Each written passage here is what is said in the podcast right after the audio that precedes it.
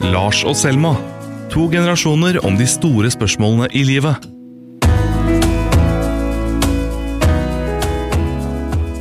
Lars West Johnsen, hvordan går det med deg? Er vi i gang nå, liksom? Ja, En veldig ny, eh, spennende introduksjon. Vi må ikke kjede folk, vi må alltid by på noe nytt. Du har ikke gått på sentralstimulerende midler i dag? Jeg har ikke det. Nei. Jeg har bare mye energi. Og så er jeg så utrolig glad for at vi skal snakke om kjønn, og det hadde ikke du noe lyst til. Uff, nei, ikke, åh, ja, nei. Forklar. Eh, Jeg er litt lei hele kjønnsproblematikken, at vi skal diskutere kjønn, og det er liksom veldig sånn lavterskeljournalistikk. Vi kan alltid skrive om kjønn, men det er viktig òg, da, og det har vært veldig viktig i, i alle tiår, liksom. Men eh, akkurat personlig så er jeg litt lei av å snakke om kjønn. Men du, handler det litt om at det er så på en måte liten ramme for å si noe feil? Er man redd for å liksom støte på noe? Ja, jeg tror kanskje det er det det handler om. At eh, det er veldig sånn um, Det er litt sånn minefelt å skulle mene noe særlig om. Um, det er lett å, det er veldig trygt å være politisk korrekt om det, og så tror jeg de fleste ikke tør å si noe annet enn det som er midt i veien. Men du syns jo at jeg kan være litt sånn overdrevent politisk korrekt noen ganger. Du syns noen ganger at jeg kan se problemstillinger der du nødvendigvis ikke ser dem. Er ikke det litt sant? Jo, det er nok riktig. Du kalte meg woke i dag på jobben. Det er jo et veldig Ja. populært skjellsord for unge, opplyste mennesker. Det er ikke et skjellsord. Nei, men det har på en måte blitt brukt Ja, det har kanskje blitt det etter hvert, men det, Mm. det begynte jo som en veldig sånn um, kred-betegnelse på, på en ungdomsgenerasjon som er veldig bevisste, politisk bevisste. Mm. Jeg er helt enig med deg at man veldig fort kan se problemer ut av ting som man tenker sånn, er det egentlig et problem, eller lager vi en, liksom, en, en situasjon her nå? Men jeg syns jo det er veldig spennende å snakke om. Så lurer jeg på liksom, om vi kan starte med å reflektere litt over hva slags fordeler vi har som vårt kjønn. Og nå insinuerer jeg ikke at jeg ikke har noen fordeler som kvinne. Så jeg lurer på, Lars West Johnsen, hva er dine fordeler som mann, slik du ser dem? Ingen. Nei. Har du ingen fordeler som mann? Nei, jeg tror ikke det. Jeg tror ikke jeg har hatt noen fordeler av å være mann, annet, annet enn at man, man slipper en del sånn um, Man slipper å føde barn, man slipper et sånt Jeg tror det er mer press å være jente, kanskje også kvinne, på utseende, klær um, Hva som er lov å gjøre, hva som ikke er lov å gjøre. Jeg tror jeg har Det er kanskje fordelen, da. Den der sosiale friheten, på en måte. Som jeg som jeg setter veldig pris på og har vært glad i. Kan tulle og tøyse masse om å gjøre rare ting og kle meg som jeg vil og bry meg ikke. Kan gå ut og kjøpe kaffe med håret til alle kanter. Veldig sjelden at du ser damer med håret til alle kanter. Um, eller i en shorts og pysj, liksom. Det, det skjer ikke. Så jeg tror kanskje det er fordelen. da. Men tror du ikke sosial frihet har veldig mye å si for hvordan Jo. du får utfolda deg i livet ditt? Jo, jo, Så egentlig er jo det en masse fordel. da. absolutt. Absolutt. Ok. Men hvem legger det presset på damer og jenter? Nei, det er spørsmålet, da. Eh, Vi må jo på en måte se bakover i tid, da. På tradisjoner. Mm. Hvem er det som tradisjonelt sett har hatt mest plass til å mene, til å bestemme ting? Um, til å bli respektert, lyttet på og hørt på? Det har jo vært menn, hvis vi går langt tilbake. Ja, Det trenger ikke gå så langt tilbake heller. Nei, ikke sant. Og det henger jo igjen i Jeg syns jo det er ganske interessant å tenke på hvor mange kvinner som er skrevet ut av historien. Hvor mange damer som har funnet opp ting, eller bestemt ting, eller gjort revisjonelle re, re, Nå klarer jeg ikke å snakke. Historiske ting, da. Og så står det ikke i historiebøkene. Det står noen menn der istedenfor. Det er jo spennende. Det er jo spennende å se på eh, at det er, fortsatt er mindre kvinner i lederstillinger. At vi fortsatt tjener mindre enn menn. Så den Eh. sosiale friheten begynner jo å liksom breie seg ganske mye utover, da. Og så opplever jeg jo at på en måte, det er, vi er jo veldig frigjorte i veldig stor grad i Norge. Så er det litt sånn der upopulært å snakke om forskjellene. Jeg mener at de er veldig innlysende. Um, og jeg kjenner dem på kroppen. Selv om jeg er veldig heldig og alt det der, så gjør jeg det. Kjenner det på kroppen. Jeg har jo flere ganger tenkt at det hadde vært litt lettere hvis jeg var mann. At jeg kanskje til og med hadde fått til ting fortere hvis jeg var mann. Og det mener jeg jo å stå her for. Um, det har ingenting med menn å gjøre, for så vidt. Det hadde blitt fullstendig feil hvis det var snudd på hodet også. Og et overdrevent fokus på det vil jo også undergrave liksom Mange vil jo mene at menn har det ganske tøft, da. Ja, og det er jo masse statistikk som viser at menn eh, kommer ikke spesielt godt ut av den en moderne verden. Veldig mange menn lever alene, uten barn. De sliter på skolen. Sånn det er veldig, og det kanskje glemmes litt i, i det store fokuset på, på, på damer, kvinner, som, har vært, som har absolutt har vært på sin plass. Men, men vi har kanskje noen blindsoner da, for menn som også sliter litt. Men du må spørre meg da, hva slags fordeler jeg har som kvinne. Ja, fortell da. Jeg opplever noen ganger hvis jeg er i debattstudio, og det er meg og en mann, så opplever jeg at programlederen kanskje har, er litt mer på min side. Det kan hende det er fordi jeg er ung også, da. Men da opplever jeg på en måte at jeg har litt mer sånn støtte. Fordi at jeg er minoriteten i rommet. Det opplever jeg noen ganger. Andre fordeler Det kan jo hende at jeg hadde blitt mer sånn bøllestempla hvis jeg var gutt. Når jeg var liten. Jeg var jo sånn Følte meg jo litt problembarnsempla fordi jeg hadde lærevansker. Men det kan jo hende at jeg hadde klart meg enda dårligere hvis jeg var gutt. da Hvis man ser på statistikk i forhold til hvordan det går med den på skolen og sånn. Så du fikk mer hjelp enn du ville fått hvis du var gutt? Kanskje. Mm. Eller jeg er åpen for det, da. Siden man kanskje det er en slags større åpenhet til å se liksom skoleressursene, eller ressursene, hvor skoleflink man er sånn jenter. Kanskje, vet ikke. Kanskje. Gutter er gutter, liksom. Og så må vi jo hjelpe Selma med å få henne inn i, inn på rett, uh, i rett fil. Ja, det kan jo være noe der, da. Mm. Så har jeg jo kanskje tenkt en del på dette med uh, menn og overgrep. Jeg har nettopp lest en bok av Willy Bratland Hansen som handler om det. Hun har en far som var overgrepsutsatt da han var barn, så den boka handler om hvorfor det er så tabubelagt for menn å snakke om det. Så jeg har kanskje tenkt noen ganger at, sant, at vi har et såpass stort fokus på unge jenter og psykisk helse, vi har et relativt stort fokus på jenter og overgrep, og at hvis man havner i den kategorien som mann, så kan det hende det er tøffere, da. Fordi man ikke har den samme Man har ikke prata like mye om det. Så hvis man først har opplevd noe forferdelig, så er det ikke sikkert at man har liksom verktøyene til å snakke om det, da. Mm. Men det er åpenbart at menn har høyere terskel for å be om hjelp også. For vi, vi går jo ikke til fastlegen før kreften egentlig tyter ut av oss. Altså, mm, og vi går ikke til psykolog før liksom, problemene er for store da, til, å, til å håndtere. Mens kvinner er nok lett, har nok lettere for å be om hjelp, kanskje, da de har det tøft. Jeg snakka med en psykolog i, på, ja, i studentsamskipnaden som sa det at det kom utrolig mange jenter for å be om hjelp. Som, som kanskje ikke ba om hjelp for ti år siden. At det er blitt veldig, terskelen er blitt veldig lav for å be om hjelp. Da. Kanskje for lav, eh, men de ber i hvert fall om hjelp. Mens gutta kanskje selvmedisinerer eller drikker eller eh, utagerer på andre vis. Så liksom, og når man blir eldre, så ja, Det er jo et problem at menn ikke går til legen. Ber ikke om hjelp. Og jeg vet ikke om det er øh, fordi det er øh, pinglete å gå til legen, eller hva det kan være. Jeg aner ikke. Podkasten Røsla vil gjøre deg klokere på arbeidslivet vårt. Vi snakker med Harald Eia om lønn. Daukjøttet skjæres bort hardt og brutalt. Anja Bakken Riise forteller om arbeidsplasser i forandring. visste vi jo allerede før krisa at vi hadde et behov for å omstille oss i Norge. Og vi spør økonom Kalle Moene hva krisa kan lære oss. Det må være litt eh, flau smak i munnen å se at de aller viktigste jobbene er de dårligst betalt. Lytt til Røsla der du hører på podkaster. Men, jeg føler, men vi snakka om sosial frihet. Jeg liker den derre er jeg, jeg føler ikke at det er så mange forventninger til meg som mann. Uh, det var sikkert noen forventninger til det å være mann på 50-tallet, eller, uh, egentlig alltid, ja, om stor og sterk og macho og ja, det som kjønnsrolle. Men for meg så er det det. Jeg føler ikke at det er noen forventninger.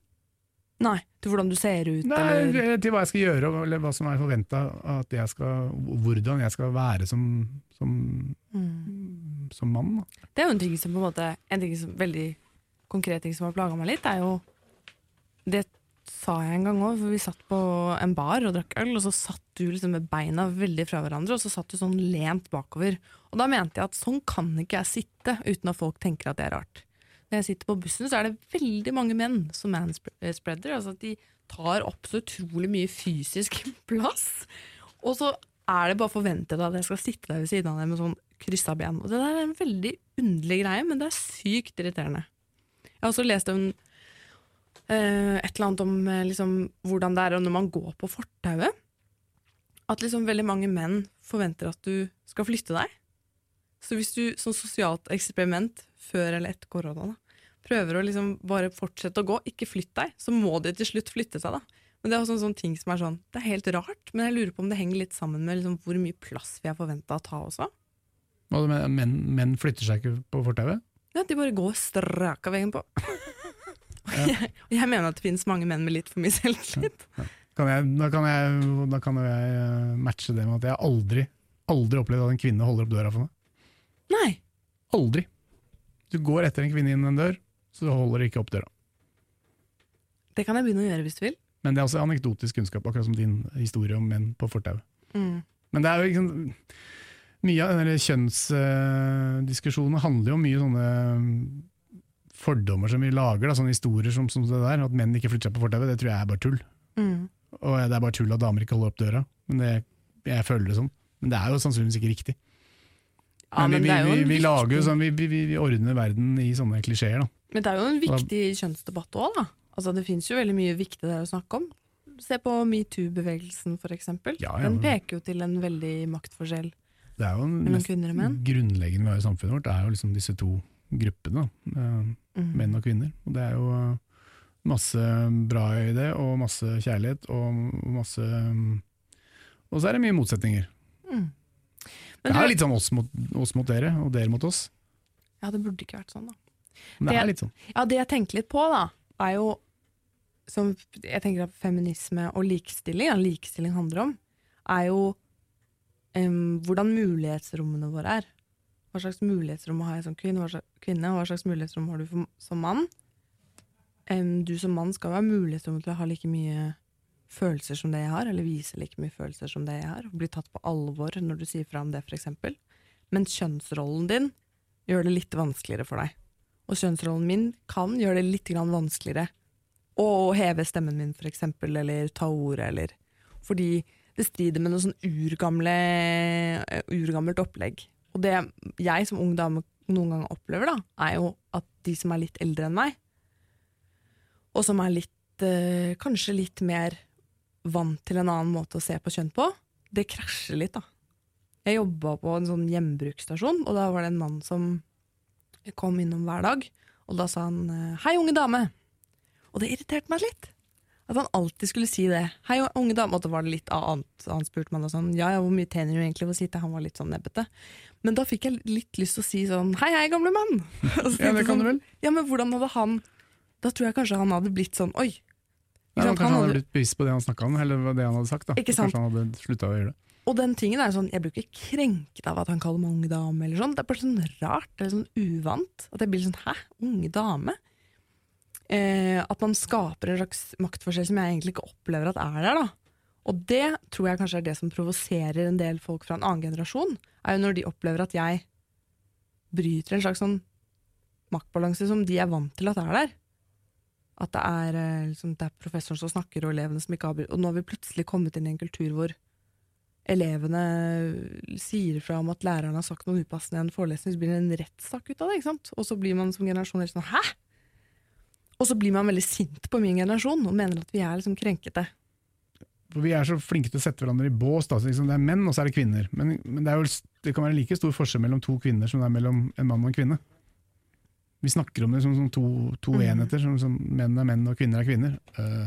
Og det er problemet for de som opplever at de ikke hører helt hjemme i de kjønnsmønstrene de har fått, de rollene, de begrensningene. De vil jo liksom, det vil jo være veldig kjipt. Vi har jo alle vokst opp med en som var mye mer guttete enn de andre jentene, for eksempel. Eller omvendt. Eh, gutter som har hatt mer feminine trekk. Som har blitt liksom eh, men hvorfor må vi kalle det guttete? Det er jo det, hele problemet starter der. det er akkurat det jeg mener. Ja, men det, det, de eksisterer jo veldig tydelig. Det ser du jo på babyavdelingen på Hennes og Maurits. Det er jo blått og rosa, liksom. De, vi blir liksom født inn i de rammene. Jeg leste en sak om en fyr som jeg faktisk kjenner litt, som sto fram at han ikke var homofil. For at han, det er veldig mange som har antatt at han er homofil, fordi at de mener at han har noen eh, feminine trekk. Og så måtte han si sånn Ja, men jeg er jo streit, liksom. Mm. Det er bare at jeg ikke er like maskulin som mange forventer at jeg skal være. Og da er det innmari teit at jeg må gå rundt og forklare gang etter gang etter gang at nei, jeg liker jenter. Det, så langt går det, da.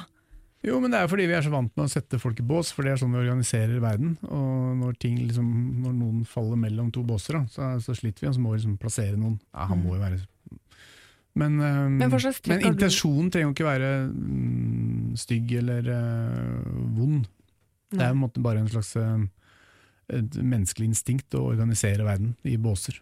Mm. Sånn, sortere alle inntrykkene våre. Mm. Men det er jo ikke sånn at folk eh, Jeg tror vi ofte vil liksom, eh, legge litt for mye At folk har liksom vonde intensjoner med måten man gjør ting på. Mm. Um, Men man Ja. kan jo bli fornærmet eller støtt av noe uten at det er en vond intensjon med det. Jeg, tenker, jeg har noen ganger kanskje reagert litt på at, jeg, at du noen ganger liksom kan snakke om kjønn, eller at du er liksom ganske sånn Jeg vet ikke helt hvordan jeg skal forklare det. Du kaller meg jente, for eksempel, da. ja, Ja, og det går fint, liksom, for vi er så gode venner, og det syns jeg det er veldig koselig at du gjør det. Men sånn, tatt ut av sammenheng, så kan man jo liksom føle at det ja, men det er jo ikke ute av en sammenheng. Det er jo i en sammenheng.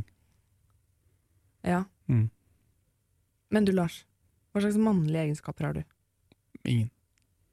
Ikke ingen, men sånn klisjésett mannlige egenskaper. Kan du eh, jekke på en bil? Ja, kan bytte hjul. Spiser du mye kjøtt? Nei. Ser du på fotball? Ja. Drikker du øl? Ja. Mm, er du glad i er damer? Ja, var i hvert fall. Nå er er det over på sånne klisjeer igjen. Mhm. Mm. Jeg var interessert i hva slags klisjeer du Men hva slags identifiserer klisjeer eh, skriver deg som kvinne? Um, eller jente, Jeg, jeg er glad i å sminke meg. Jeg er opptatt av hva slags klær jeg har på meg. Sminke fascinerer meg. Hvordan ender man opp med å sminke seg? Mm. Man skal være selvstendig individ som ikke lar seg liksom kue eller påvirke. Og så starter man hver morgen med å forandre seg. Det fascinerer meg. Ja, og det er jo som vi snakket om eh, helt i starten, da, at kvinner kanskje har et enda tydeligere og sterkere liksom, eh, utseendepress på seg. Og det tror jeg også handler om at veldig mye markedsføres mot oss. Både av sminke og klær og skjønnhetsprodukter. Jo. Jeg syns det er ganske fascinerende at såpen i butikken er jo helt lik. Det er jo ikke noe som er manne- og damesåpe. Men de lager jo masse sånne såper til damer med liksom eh, rosa design eller eh, feminint design, og så selger man det til damer. Det er billigere for deg å kjøpe sjampo sånn på butikken enn det er for meg. Fordi damesjampoene, de som er liksom markedsføres mot kvinner, er dyrere. For vi bruker mer penger på skjønnhetsprodukter. Og dermed så tar de mer betalt for det. Det er ganske fascinerende. Og vi går jo rett i fella, ikke sant. Jeg har jo sikkert 20 kremer på badet som jeg egentlig ikke trenger, for jeg er 24 år og har ikke en rynke. Men, eh, men likevel så driver jeg og har sånn en, en rutine, en femstegs rutine hver Mm. kveld og morgen. Ansiktsmaske. Ja. Og det gjør jo igjen at du blir helt sinnssykt opptatt av hvordan du ser ut. Og fordi at liksom rammene for hvordan du kan se ut og kle deg, er mye jeg, jeg, jeg føler jo at de er litt trangere for damer. Sånn som du sier, du ser ikke så mange damer med hår til alle kanter. Ja, det er- åpenbart trangere for damer, men det har blitt jeg tror nok den trøya har blitt litt trangere for menn nå. Altså Kroppsidealene har blitt mye tydeligere for menn. Og, og de gutta på noen og tjue rundt meg i Oslo her, de, de ser ikke ut som vi gjorde da vi var rundt 20. Liksom. De er større og de er sterkere og de er liksom, ja, mye mer bevisst på kropp og utseende. Ja. Så jeg tror den... det, det, altså, forskjellen har nok blitt mindre. Ja, og jeg tror absolutt ikke man skal liksom underdrive kroppspress hos gutter. Men som jeg sa, at det kanskje kommer enda tydeligere fram hos jenter. Men altså, herregud. Det er veldig mange gutter tror jeg, som kjenner veldig mye på kroppspress, men kanskje ikke har like mye språk for å snakke om det. Du har lest flere kronikker om jenter som skriver om kroppspress enn gutter som gjør det. på en måte. Man står ikke like mye fram med de problemene. Men jeg prøvde jo å peile samtalen litt inn på metoo i stad. Har du noen tanker om den bevegelsen? Jeg tror det var ekstremt viktig og på sin plass. Det starta i Norge med en sånn gutter må ikke tafse på jenter-diskusjon, og på byen og over en øl og sånn, som jo er bare ja, det er menneskeheten, det tror jeg ikke du fulgte med, men kom, man fikk det inn på et veldig veldig viktig spor når man fikk adressert problemet med hierarkiene, når man utnytter sin posisjon Mm. som leder, og det gjelder både damer og menn. Det er også damer som utnytter sin posisjon, men det er aller mest menn, da. Men det er jo et problem å bli tafsa på på byen òg, da. Jo da, men det er, det, da kan man liksom fikse det. Det er ikke, det er ikke så, så mye sånn et strukturelt problem, men når menn i posisjon, ledere, øh, ikke skjønner hva de gjør når de utsetter folk under seg liksom, Mm. for et seksuelt press, jeg, det er veldig veldig viktig. Jeg er enig i at det er et større strukturelt problem, men jeg tenker at det er et strukturelt problem at man ikke kan gå ut på byen uten å Kan ikke du spørre litt meg om min erfaring mot det? da? Ja, hva opplevde du på byen, da? Nei, jeg har ikke opplevd én ting på byen, men jeg tror kanskje at det vil overraske deg litt hva man kan oppleve, Helt sikkert. og hva man må på en måte tåle. Jeg tror de Altså, fleste gutter burde hatt en kveld på byen som jente. Ja, har flere... Det hadde gjort oss litt mer ydmyke, tror jeg. Jeg tror Første gang det skjedde, så var jeg på konsert med, liksom, på videregående eller ungdomsskolen. tror jeg, Sånn der ungdomsskolegreie. Og Da var det bare en fyr som kom og bare tok meg på rumpa. liksom. Var Det var en kjempemerkelig situasjon, for jeg kjente han ikke i det hele tatt. Og du må liksom bare le av det, fordi du, du bare Du kan jo ikke bli fornærma for det nesten heller. Men det er jo veldig ubehagelig at noen kommer og tar på deg uten at de har spurt om det, liksom. Og det har jo skjedd mange ganger eh, når jeg har vært ute på byen, eksempel. Det er noen utesteder jeg ikke drar på, for jeg kan ikke danse uten at noen kommer og holder rundt meg, liksom. En vilt fremmed eh, gutt som jeg aldri har snakka med før. Som eh, begynner å ta på meg, liksom. Og det kan man jo få litt panikk av. Ja, nei, det er jo ja. Jeg tror ikke det er så mange jenter som ikke har et øh, drøss av sånne historier. Og så er det jo problemstilling på en måte at Hvorfor er det ikke Jeg har i hvert fall ikke hørt om gutter som blir veldig mye antasta. Jeg sier ikke at det ikke skjer, altså, for det gjør det. Men liksom at ikke det, det Det virker som det er noe som har skjedd der, da. At det er noen som ikke lærer Lærer seg de intime grensene, liksom. Som tror at det er greit å bare Men, men det er mye vanskeligere å angripe, da. For det er jo litt uh, å være ung og dum og uerfaren. Det er bare én måte å lære på at du, du tar ikke damer på rumpa på dansegulvet. Det er å få seg en smell eller Men bli dette er jo voksen. menn. Ja, nei, det, er jo, det er jo håpløst, liksom. Det er jo bare å riste på huet og si Det skjønner ikke jeg nå. Men det jeg lurte litt på, for at alle ble jo veldig sånn skjerpa etter metoo, følte jeg. Liksom Mine mannlige kollegaer på det tidspunktet også var på en måte, fikk sånn behov for å tulle litt med det, for de ble litt sånn der «Øh, Jeg metoo-er deg vel ikke nå? At de blir sånn redd for å gjøre eller si noe feil, eller Opplevde du det? Uh, nei, egentlig ikke. Jeg, jeg noe Jeg følte ikke at jeg var i noen gråsone som jeg måtte trekke meg tilbake fra. Det, Nei, nei, men, Og det var jo ikke noen gråsoner heller. Det var sånn fullstendig Dette var en annen arbeidsplass enn der jeg jobber nå, men det var veldig sånn derre Det var veldig mange av mine mannlige kollegaer som, som på en måte ble litt stressa da, og, og tulla mye med det og sånn. Og det opplevde jeg på en måte også som en liksom bagatellisering av hele bevegelsen, fordi det er sånn Jeg tror på en måte de aller færreste liksom viktige metoo-historiene handler jo ikke om at noen har sagt et eller annet feil og kløna det til på jobb, liksom. Det har jo Metoo handler også liksom, omfatter jo også liksom overgrep og liksom alvorlige ting. Eller ja, ting som virkelig ikke skal skje. Altså tydelige grenseoverskridelser, på en måte. Men når de var sånn 'Å nei, tenk om jeg gjorde noe galt nå', så da tilsier du på en måte at, at alt bare er klums, på en måte.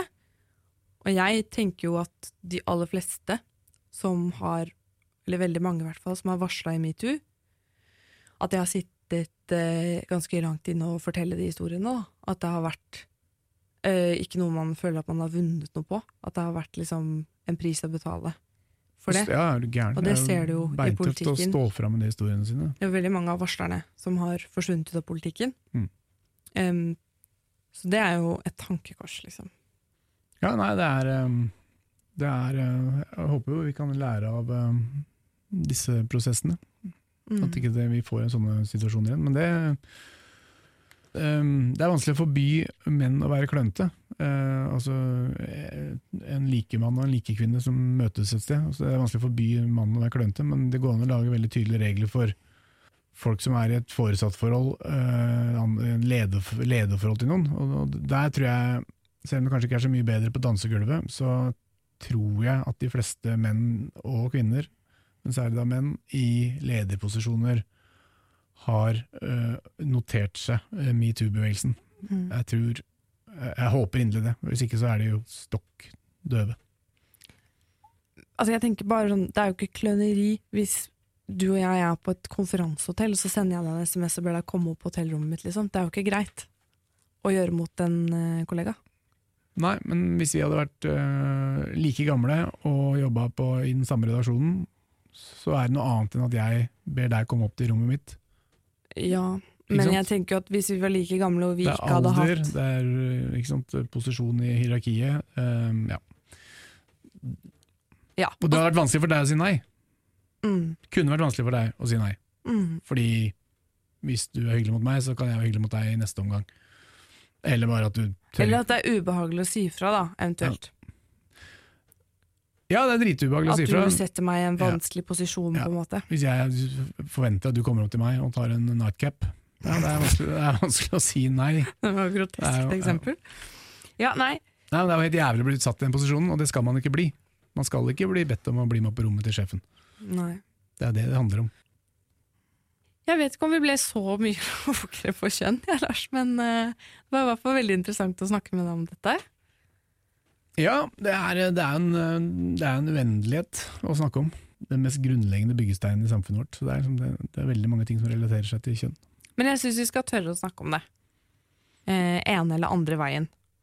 Um, jeg syns det er dumt hvis det blir sånn at det er et tema som oppleves helt sånn umulig å prate om, fordi det er så mye ting man skal arresteres på, eller Det er viktig at man kan diskutere det, uten at man liksom arresterer hverandre for mye, da. Men vi kan i alle fall avslutte med at du er en mann som jeg er veldig glad i, Lars. Jo, det er hyggelig, Selma. Jeg er veldig glad i deg. Takk. Lars og Selma er produsert av Radio Metro for Dagsavisen. Ny episode hver mandag.